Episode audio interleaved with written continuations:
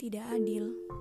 Lebih tidak adil mana dengan kamu yang terbiasa mempermainkan perasaan, dengan kamu yang menghilang tanpa kabar, dan kemudian kembali tersenyum tanpa rasa bersalah. Ini yang kamu bilang tidak adil, merugikan tapi tidak mau dirugikan.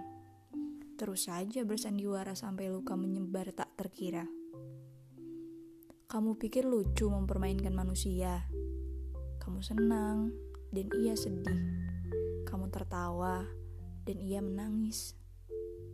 Kupikir begitulah manusia, maunya melihat orang lain menderita.